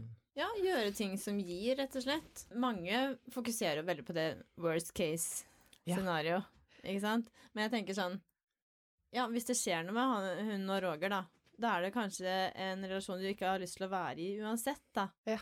Ikke Hvem har lyst til å henge med en person som er utro, liksom? Eller hvem har lyst til å Mm. bruke kjærligheten sin på det? Og hvis, det er, eh, og hvis det var sånn det skulle bli, så var det sånn det skulle bli. Da er det bedre at du bare gjør deg ferdig med det også. Mm. Men uh, igjen, da, eh, ikke gå i den fella at du skal tro at det er din skyld at du er usikker også, da. For at, Mm. at du er usikker, det er, ja, det er noe du skal jobbe med, men det er ikke noe feil heller med deg. At du må jobbe med det, for alle har noe de må jobbe med. Uansett hva det er, så er det noe, som, noe, noe vi må jobbe med. Ja, helt enig. Det er liksom Det er veldig sånn Et sånn vanskelig ting da med å skrive mye bloggposter om psykologi og sånt, er at det kan virke som om ja, men hvis du bare gjør dette riktig, da blir du sånn perfekt menneske som ikke har noe å jobbe med, da. Mm. Men alle har jo noe. Og det går jo Livet Det er egentlig mer verktøy, da. Det er egentlig bare verktøy du tar frem hver gang eh, det skjer noe, da. For eksempel, veldig mange er sånn negativ negative mot kaloritelling. For det, det er sånn Det er sånn veldig sånn det er veldig skjørt tema, da, for det snakker om liksom kroppsbilde, eh, vektnedgang alt med sånne ting. da. Men hvis du ser på det som et verktøy, da. Jeg bruker det som et verktøy når jeg trenger det, og så når, når det blir for mye. Oi, da, da var det kanskje at eh, verktøy ikke var eh, nødvendig. Da tar jeg det og legger det bort, og så bruker jeg et annet verktøy. Mm. Rett og slett, eh, jo mer du kan bruke de verktøyene, og du har eh, Men hvis du har et større verktøyskrin, og du har mer spesialiserte eh, verktøy for en spesiell jobb, så har du kanskje Det er mye lettere å pinpointe og gjøre nøyaktig de justeringene som skal til for at ting skal bli litt bedre. Og så hvis du kommer til et annet problem, et annet problem, så må du ha et litt annet verktøy å skru på. Ja, det, er- det, er- det er et veldig, veldig fint eh, bilde. Det er jo sånn, hvis du, hvis du mister noen du er glad i, så vil du jo være lei deg, men hvis du i tillegg unngår sorg ved å bli aggressiv, så har du jo et kjempeproblem, ikke sant? Da, da mister du noen, og så blir du hissig. Mm. Altså, Og så mister du venner. Mister du masse venner, ikke sant, så får du et tilleggsproblem. Mens det som er lettere da, er å bare miste den personen, og så kjenne på den sorgen. Og så har du den perioden hvor det gjør vondt, og så går det jo over etter hvert. Det er jo ikke sånn at disse følelsene er her for alltid. Det er jo forskjellige reaksjoner på hvordan man tar tak i det sånn i begynnelsen. Noen er jo veldig på det derre hevne seg og ta igjen med samme mynt, eller bare på, gå på Tinder og bare gå etter de som eh, ikke ser etter noe seriøst, og sånne ting. Men eh, en kusina mi, hun sa at det er mye bedre at man faktisk gjør plass til noe nytt, da, i livet ditt. Og det blir jo på en måte å møte litt forskjellige folk, se hva slags muligheter som fins, og faktisk kanskje re opp senga ved siden av deg, og på en måte rydde i skapet og gjøre plass til noe nytt, da.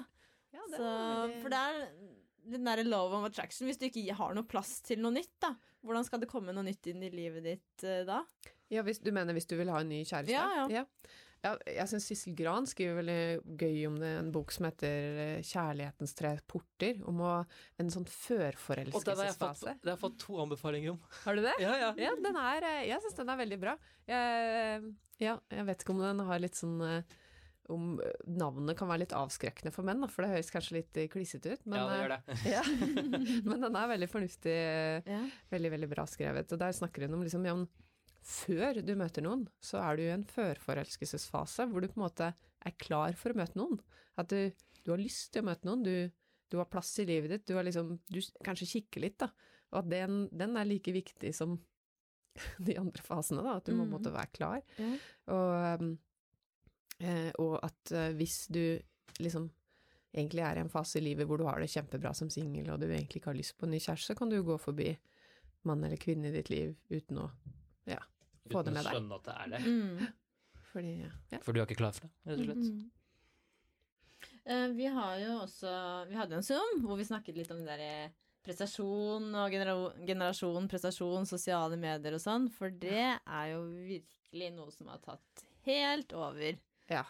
Uff Og hva er dine tanker rundt det? Ja, ja, der er det Jeg vet nesten ikke hvor jeg skal begynne, da. Fordi det er jo veldig um, det, Jeg føler sosiale medier kan være et veldig bra eh, verktøy, eller det kan være et veldig negativt verktøy. At det er klart, hvis du bruker det Jeg tror man må være eh, veldig flink til å avgrense selv, og være veldig bevisst da, på, måte, på hva du utsetter deg selv for, og hvilken effekt det har på deg. Og det er jo eh, noe som kommer med alderen. Eh, Lite grann. Eh, Noen unge mennesker er jo sykt kloke bare når de kommer ut, men, men liksom, men vi, ut vi, vi sånn andre, vi Ja.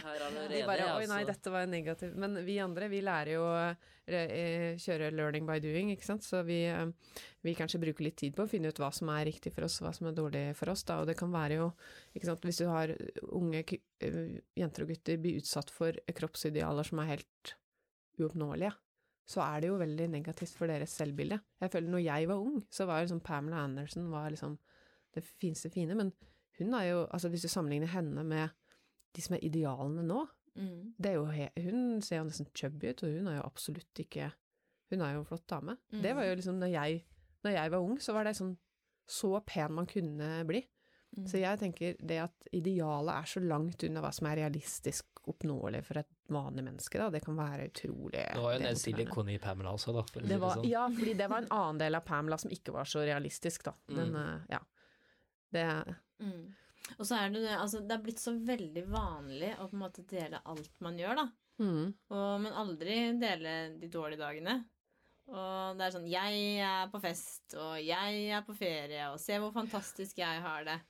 Og det blir liksom sånn Men uh, hvordan er hverdagen din, egentlig? ja. For det er jo ikke sånn hver dag, og så er det sånn Man legger kanskje det ut bare i helgene, på en måte.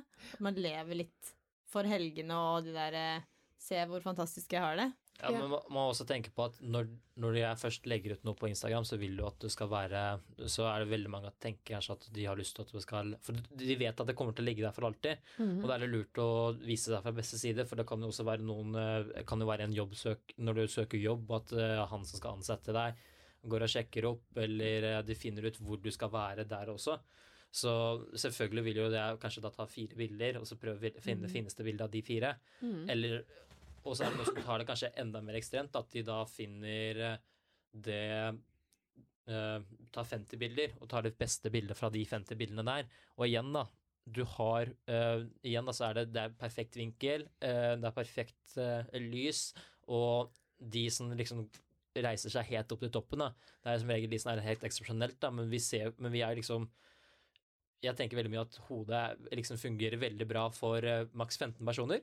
Men med en gang du kommer over 15 personer, så blir kanskje eh, For vi sammenligner oss med de kanskje 15 nærmeste, men når eh, de 15 nærmeste kan være de 15 beste i hele verden Mm. av eh, Hvor mange er vi nå? 7 milliarder? Nei. Er det ikke noe sånn? Ja. Seks. Ja, la, la, la oss ta et konservativt tall. Av 5 milliarder, 5-6 milliarder, så blir det plutselig et enormt stor, større sammenligningspress. Da. Det betyr jo fortsatt at uh, Og forventning. Ja, uh, men du skal, hvis du skal forvente at du skal være best eh, økonomisk, så må du være bedre enn Jeff Bezos. Da må du ha noen par hundre milliarder dollar Mm. på bok, liksom. Hvem, hvem trenger egentlig det i det hele tatt? Hvis du bare tenker det sånn generelt, da. Skal du være best i idrett, så må du være Usain Bolt. Eh, men hvis du skal sammenligne med alle sammen, da Petter Northug er et ekstremt godt eksempel. At eh, alle har jo noen eh, ulemper og noen fordeler, da. Mm. Og hvis du bare ser på det, da, så kan du tenke på sånn Vil jeg egentlig virkelig oppnå alt dette her, da? Og Ja. da kanskje du får litt mindre av den der prestasjonsangsten også. Ja.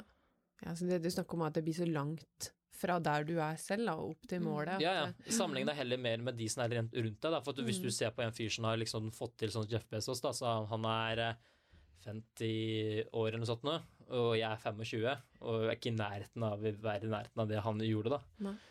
Det som er jo sånn eh, psykologisk, da, sånn motivasjonsteori eh, dette her kan jo dere masse Mm. om, men eh, det er jo at hvis du, du blir motivert hvis det er noe som er innafor rekkevidde, ikke sant. Hvis du har et forbilde og du tenker sånn å, dit kan jeg komme, men når, når liksom forbildet blir så langt unna, så kan du bli demotivert eller sånn håpløs, ikke sant. For jeg tenker, når jeg ser på de her damene som, hvis, mm. ja, Mhm. som eh, løfter, så tenker jeg de kommer jo ikke jeg. Jeg har jo en datter, altså det skjer jo ikke. Det blir et Eh, sånn urealistisk det blir- forbilde, da. Ja, så da kan man gi opp, ikke sant, og tenke Mm. sånn at det er ikke noe vits i for meg å Det gjøre er en er lengre vei enn man tror, sant? kanskje. Da. Ja. Men så er det sånn, man eh, lar det være i feeden sin da, på Instagram eller hvor det er, fordi det ser jo fortsatt bra ut, ikke sant? Ja. Men så er det fortsatt uoppnåelig, da.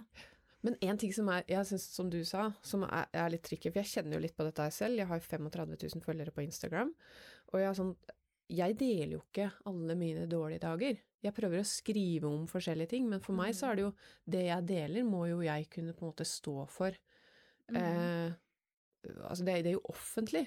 Mm. Eh, Så, så det er klart at alle mine eh, private ting ligger jo ikke på Instagram, og det tror jeg man må tenke på. Ja. At, at liksom Det kan ikke være sånn at jeg skal på en måte være At mitt privatliv skal være et slags Big Brother-show, liksom. Fordi at jeg vil gjerne skrive om de tingene som, som Er jeg er komfortabel med Mm. å dele. Eh, men, det- og det tror jeg er veldig viktig å tenke på med andre influensere òg, at det, Mm. selvfølgelig kan ikke de sitte og dele alt som skjer i livet deres. Det vil ikke være sunt for dem. Så man må vite at liksom at de folka som sitter her, de, eh, de har også et privatliv, og der Mm. går det også opp og ned. Og sånn, og sånn er det for alle, Mm. selv om de eh, ser hysterisk bra ut. Det er jo ofte veldig sånn at, uh, at du kan nesten se på det som et uh, videospill. Da. Uh, har du sp- spilt Mario Kart før? Ja, Ja, og, og da, da, har du forskjellige, da har du forskjellige biler, ikke sant. Noen har skikkelig høy fart, Mm. noen har skikkelig god tyngde, noen har skikkelig god grep, veigrep, og noen har veldig god akselerasjon, da.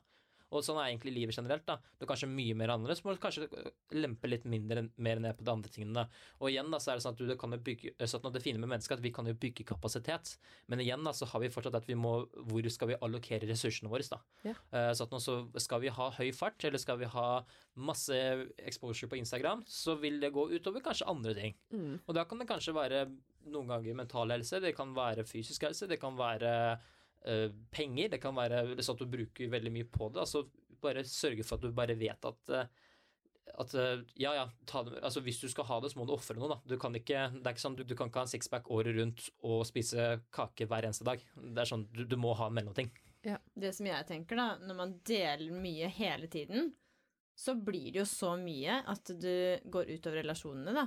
Så kanskje alt du gjør, er at du ser på den eh, telefonen og snakker til den telefonen, da. Du snakker jo ikke med folk lenger, på en måte. Og, og så blir det sånn Hvis du deler alt også, da, så blir det på en måte ikke noe å snakke om heller, da. Når du møter folk, så blir det sånn Ja, jeg så du gjorde det. Ja, det var gøy.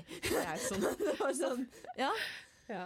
ja, det er sant, men eh, ja, jeg kjenner det jo igjen. For jeg, når vi jeg har delt mange ting på Story, så jo, kan jeg jo treffe folk, og de bare Ja, jeg vet jo hva du har gjort.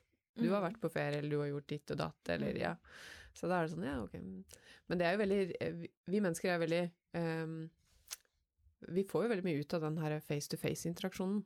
At vi Mm. ser andre mennesker, Mm. vi kan se det i øynene. Og det er annerledes å være på telefon. Og jeg sier ikke at det er veldig mye godt god relasjon på telefonen også, ting man chatter om, man har video, telefon Det er ikke det at det ikke er viktig, men, men det er jo veldig viktig med det her at vi møtes ansikt i Mm. ansikt og prater sammen. Det tror jeg vi alle sammen kjente på Absolutt. i koronakrisa. Det blir en helt Det er annen nærhet da, altså. Det blir det.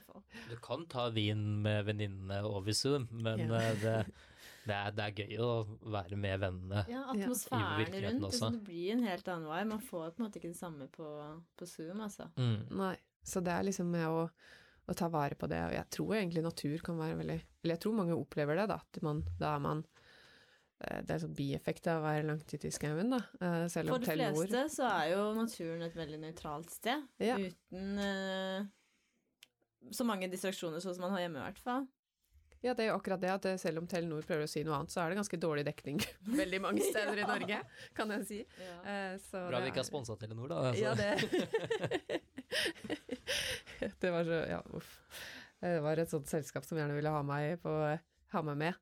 Mhm. Eh, og jeg som var sånn Ja, men det er jo kjempe Du kan jo bare ringe, eh, og så kan du få dette produktet. Og jeg bare Ja, men det er jo ikke dekning. De bare Jo da. Jeg bare Nei, det er ikke det. Det er, det er ikke dekning over hele Nordmarka. Det er ganske dårlig dekning der oppe.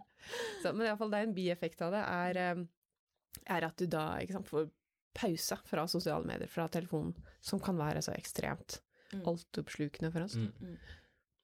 Jeg tror det er veldig fint uh, for alle å finne et sånn nøytralt sted. Hvor Mm. du kjenner på sånn ro som det der, da. Det trenger ikke nødvendigvis være naturen, men jeg tror det er naturen for de fleste, faktisk. Fordi du har det ville rundt, da. Du har på en måte ikke de veggene rundt, de bildene, den eh, puta som eh, ligger der fra i går når eh, eksen slo opp, og lukter og håret vokser ennå, liksom. oh. ja. Så Jeg tror jeg bare kom på en ting som jeg tror jeg glemte å si noe om, det her, med eh, sosiale medier og hva man må få til. Jeg tror jeg snakka litt Mhm. om at man må på en måte være flink til å ikke utsette seg selv for det som er dårlig for en, da. mm. Og at det er ganske vanskelig når man er 15-16-17. Det, Mm. det er jo noe man lærer når man blir eldre. Hva Ja, som er på en måte Mm. hva som funker for meg, hva som ikke funker for meg. Jeg Det, det, det er liksom det å snakke om å kurere hva du egentlig ser på. da, og når jeg mener kurere, mener jeg liksom plukke vekk det tingene. Hvis du merker at å, jeg får dårlig selvfølelse, eller hvis du alltid har dårlig selvfølelse, eller dårlig kroppsbilde, da, kanskje det ikke er så lurt å eksponere seg for altfor mye av de tingene på Instagram. da. Ja. Kanskje ikke da er den beste måten å ha sånn five best booties eh, og Instagram, eh, best booties og Instagram-følgeren. da. Kanskje den skal du avfølge, da. Ja, ikke sant. Eh, fordi at det bare får deg til å bli mer usikker, da. Eller det, tri det trigger mer, da. Men da kan du heller eh, følge ting som fem måter å bedre trene. Eh, rumpa på. Eh, så at man heller følger de Instagram, eh, Instagrammene. Kanskje det er noe som gir deg mer håp, da. Ja. Eh, enn det å faktisk bare se på Å, jeg vil- ønske jeg hadde det, men jeg har ikke det. Det er sånn. Ja, ikke sant. Du, du må se hele hva, hvor er muligheter, da, for da kommer litt mer at eh, når du har det veldig vanskelig nå på bunnen, da, hvordan skal du se muligheter? Ja. Og det er liksom det, det Man burde egentlig ha en aldersgrense på sosiale medier, for jeg tenker dette er Mhm. sånne ting man, som man er flink til når man er blir eldre, eller forhåpentligvis, da. Eh, men at man liksom kjenner at 'oi, den, det her, her gjør at jeg får det dårlig', eh, det skal jeg ikke se på. Det, jeg tror jeg Jeg leste jo Jeg jeg husker når jeg var yngre, jeg er sånn som er veldig dårlig på all sånn bake kake, ordne og styre hjemme og sånt. og så leste alltid sånn dameblader hvor det sto liksom at kan du gjøre sånn og sånn, så kan du få til det her. Og så følte jeg meg bare dårlig, prøvde jeg å få det til, og så får jeg det ikke til, og så Det er ikke meg, liksom. Så jeg måtte egentlig bare slutte å lese den type blad, da. Um, jeg høres kjempegammeldags ut nå, for nå ville jeg aldri lest et blad, men liksom Men det, det gjorde man da for når jeg studerte, for ti år siden. Så da men men det der å ta det valget, at liksom Vet du hva, det her skal ikke du se på i det hele tatt, du. Du skal ikke sitte og se på mote folk, folk som er flinke med ny, eller den her moten her eller moten her, fordi at du får egentlig bare dårlig selvtillit. Du må bare prøve å eksponere deg selv til noe annet som du syns er mer spennende, Mm. eller som er mer deg, eller Mm. Altså, jeg må ærlig innrømme at jeg følger ikke med så mye på nyhetene. Så jeg lærte om grottefesten etter alle andre. Ja. Eh, men eh, igjen, da, så er det sånn at jeg velger jeg velger å ikke følge med på nyhetene fordi at eh, jeg, for Ikke fordi at eh, jeg mener at eh, nyheter er gærne og alt mulig sånne ting. Det er mer at for meg så er det at de bestselgende de som gir mest klikk, er kanskje de mest sensasjonelle. De, de skumle, de, sånn som den grottefesten. da, At eh, Mm. det er litt sånn skummelt sånne ting. Det er, og jeg, jeg vet at hvis det er veldig viktig, så får jeg med meg det uansett. For da, da kommer noen til å fortelle meg har du hørt om det der, og sånne ting. Og så kan jeg heller bare gå og søke det opp hvis det er liksom noe spesifikt jeg har lyst til å finne ut av. da. Men uh, hvis jeg alltid skal være med på det der, se på alle sensasjonalismen, da, så er det sånn at det som selger best, det er jo frykt. Og så er det det som er skremselet. Det er veldig sjelden sånn glamer. Det er noen, noen glamering kommer forbi, da. Men det er, det, det er alltid bak VG+, så det, det får du alltid tid Ja. på å se på heller, da. Det er bare de skumle, fæle tingene som du får mest klikk, da. Ja. Og da har jeg egentlig bare valgt for at, eh, for at jeg merker at jeg blir veldig, veldig lett påvirka av det. Så jeg bare sa til meg sjøl nei, men du, jeg har ikke noe behov for å være på VG-nett. Jeg har ikke noe behov for å være på Dagbladet, jeg har ikke behov for å sjekke det, jeg har ikke behov for appen engang. Jeg har ikke behov for å ha meldingspåvarsel hver gang det kommer et eh, nytt covid-smitte i Norge. Nei. Så jeg bare holder meg unna det, og så bare eller følger jeg med på ting som gjør meg glad. Og da blir det ofte Minecraft og, eh, og, eh, tre, og treningslære, da, rett og slett. Og eh, mental trening, da, som er liksom de tingene jeg syns er mest spennende. Da. Ja. Og da får jeg med meg det, og hvis det er noe veldig viktig som skjer, så er det noen som snakker om det. Ja, Det er jo veldig sånn Da har du kjent etter, kjent at dette her funker ikke for meg, og tatt et veldig bra valg. Mm. Jeg tror liksom vi vårt samfunn blir utsatt for mange flere sånne valg enn man ble før. Mm. Før så hadde man liksom Altså, jeg, jeg føler at vi har blitt veldig sånn si ja til alt. Fordi det er jo en grunn til at det der FOMO, fair of missing out, har kommet. Altså, jeg merker jo sjøl at jeg sier ja til masse, selv om jeg burde gjort noe annet. Og hvorfor er, er det så vanskelig å si nei? Det der, der syns jeg er veldig spennende, fordi at jeg ehm, Dette er en sånn litt klinisk observasjon, ting jeg ser i terapi når jeg prater med unge mennesker, er at de eh, føler for det første at de skal eh, prestere veldig høyt på alle områder, da. De skal liksom trene, de skal spise sunt, de skal feste og ha det kjempegøy, hvilket de to er jo gjerne litt selvmotsigende, da. Mm. Og, og, de skal gjøre det veldig bra på skolen, og de skal ha det bra inni seg hele tiden. Og også da også gjerne være flinke på friluftsliv, ikke sant, for man skal være mye ute i skog. Altså det er på en måte det er så mange områder, da. Du skal ha det. Instagram-bildet, du, Ja, ha- du skal ha den kroppen, du skal ha den treningseffekten, du skal kunne klare å løpe de eh, fem kilometeren på Mm. så og så mye. Det er mye.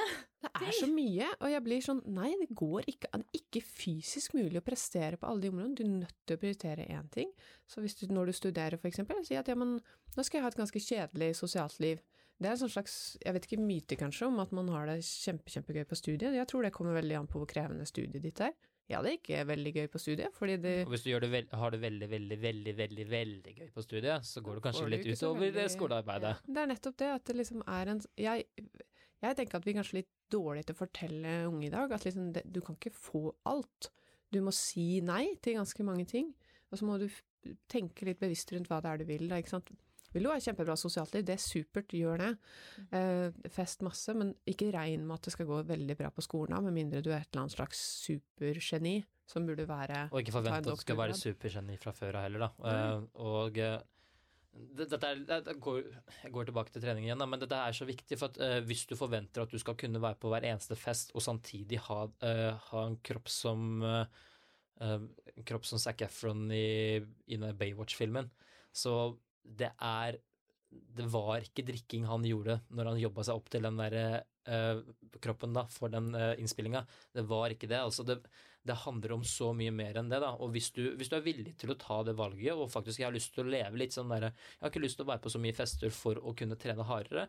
Kjempebra. Da, da gjør du det. Men hvis du ikke har lyst til det, eh, vurder litt ned hva egentlig forventningene du setter deg. For hvis du setter veldig høye forventninger, så blir det igjen da denne minskningen av mestringen. da. Mhm. Ja, det, det blir nettopp det. Du, du får, uh, får den føler failure hele tiden. Fordi Mm. at liksom Å ja, jeg var ikke på alle festene den helga her, da har jeg ikke gjort det bra nok, eller eh, Også en annen ting med å være ung, er at det er veldig uh, tøft. Det er en veldig tøff periode. Noen har det veldig bra, men veldig mange strever med mange ting. Fordi ikke sant, du flytter hjemmefra, du har ofte ganske dårlig økonomi, du har kanskje både jobb og studier.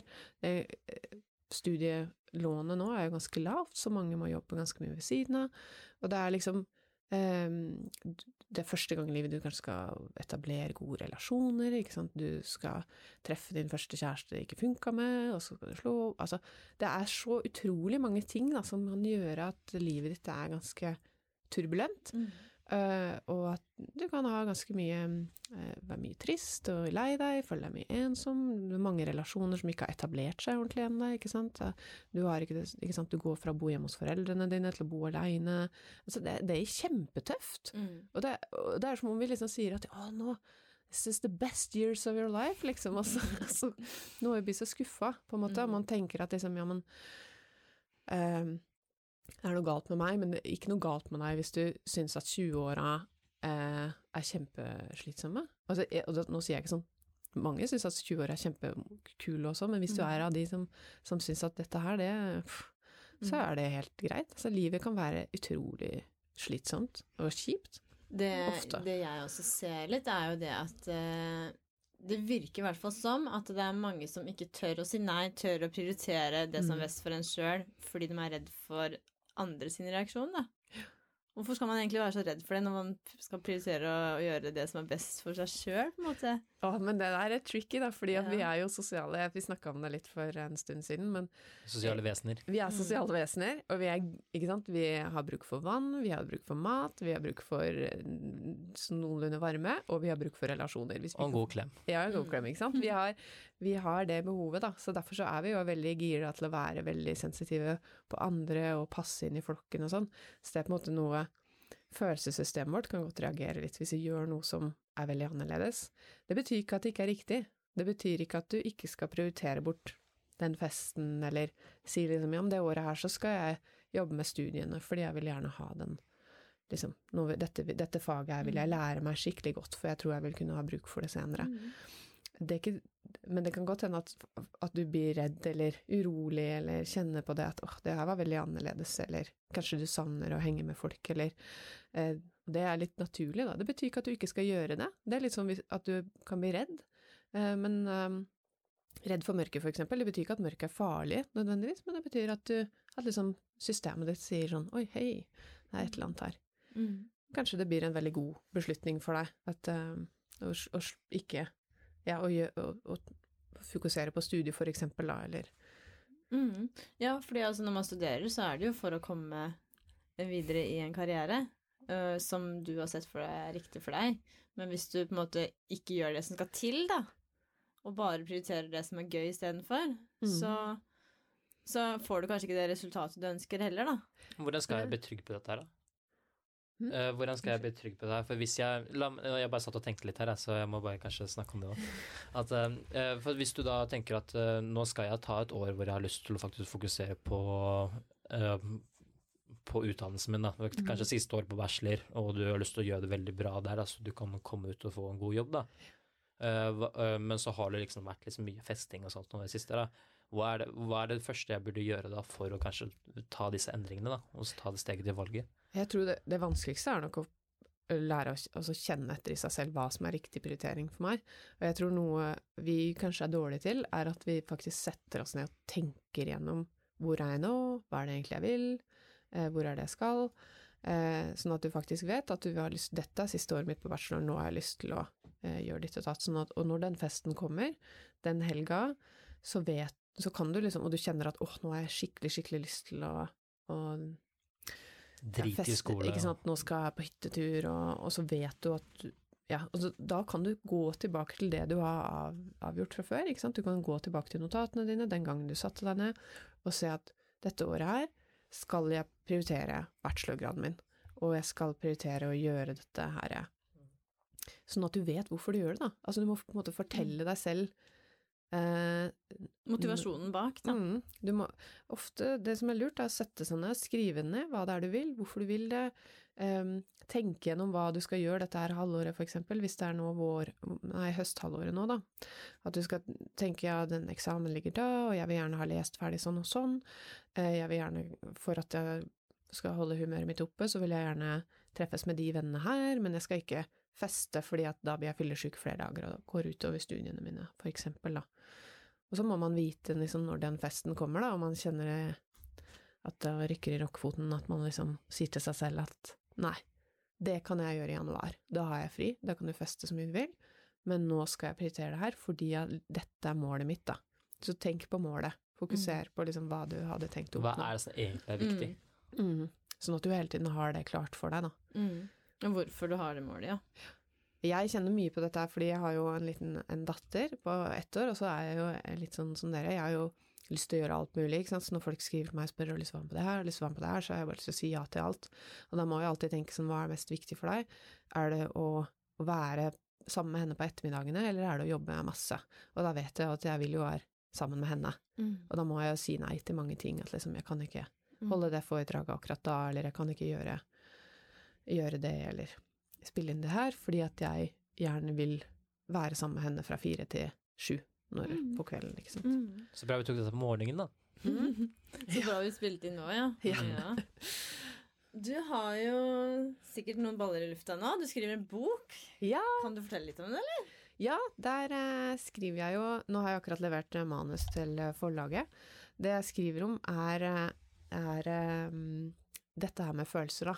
og hvordan følelser, hvorfor det er så viktig for oss, hva, og hva det egentlig er. Mange tenker jo at følelser er å tenke på følelser, men at følelser også er fysiske reaksjoner i kroppen vår, og at det å lære seg å kjenne på riktige ting, da egentlig ligner veldig mye på trening. Det å og så skriver jeg om hvordan vi kan bli sjuke hvis vi ikke eh, kjenner på følelsene våre. Mm. Så at hvis vi har den her reaksjonen at vi blir redde for følelsene våre, eksempel, at vi kjenner at vi spenner opp når vi har sterke følelser, eller vondt i magen, eller at vi blir uklare i hodet, eller Så jeg skriver om det, hvordan det skjer, og så skriver jeg om åssen du skal fikse det. Mm. Og det samme med det her med unngåelse, at hvis man, når det kommer følelser opp igjen, eller man blir urolig i kroppen, at man kanskje begynner å snakke mye, eller unngår å snakke om personlige ting, eller kanskje man unngår nære relasjoner, eller noen unngår jo ganske konsekvent å bli å ha det bra, for eksempel, ikke sant, at hver gang du har det bra, så kjenner du at du blir urolig, og tenker nå kommer det nok til å gå dårlig Mm. snart. Så jeg skriver om sånne vanlige mekanismer, da, som vi mennesker bruker for å ikke kjenne på det som foregår inni oss, og så Mm. skriver jeg om åssen du skal fikse det. Mm. Altså, jeg er jo psykolog med sovepose, så jeg skriver jo dette her inn i en sånn fortelling om mitt friluftsliv, Mm. hvor jeg starter med, eh, med kjærlighetssorgen min, og så binder det sammen, da. For jeg jobber jo med dette, jeg har jobbet med det lenge, og for meg så er det en del av, av livet mitt, og en del av sånn jeg er ute i naturen nå, at jeg bruker mye tid på å kjenne på følelsene mine når jeg er ute i naturen, for jeg syns det er et veldig godt sted, da, og jeg skriver om den prosessen jeg selv har vært igjennom i forhold til å mestre ting, og i forhold til å gjøre ting jeg ikke turte, og gjenoppta Igjen. Mm. Ja. Liksom eh, eh, villmarka, da. Eh, så det blir Jeg tror det blir litt sånn lettere å lese fordi at du har de her pausene med natur, da. At det liksom Ja. ikke bare blir sånn hardcore psykologi. Ja, men at det blir eh, At det er mye friluftsliv og bikkje og Litt sånn som Instagram-profilen min, da.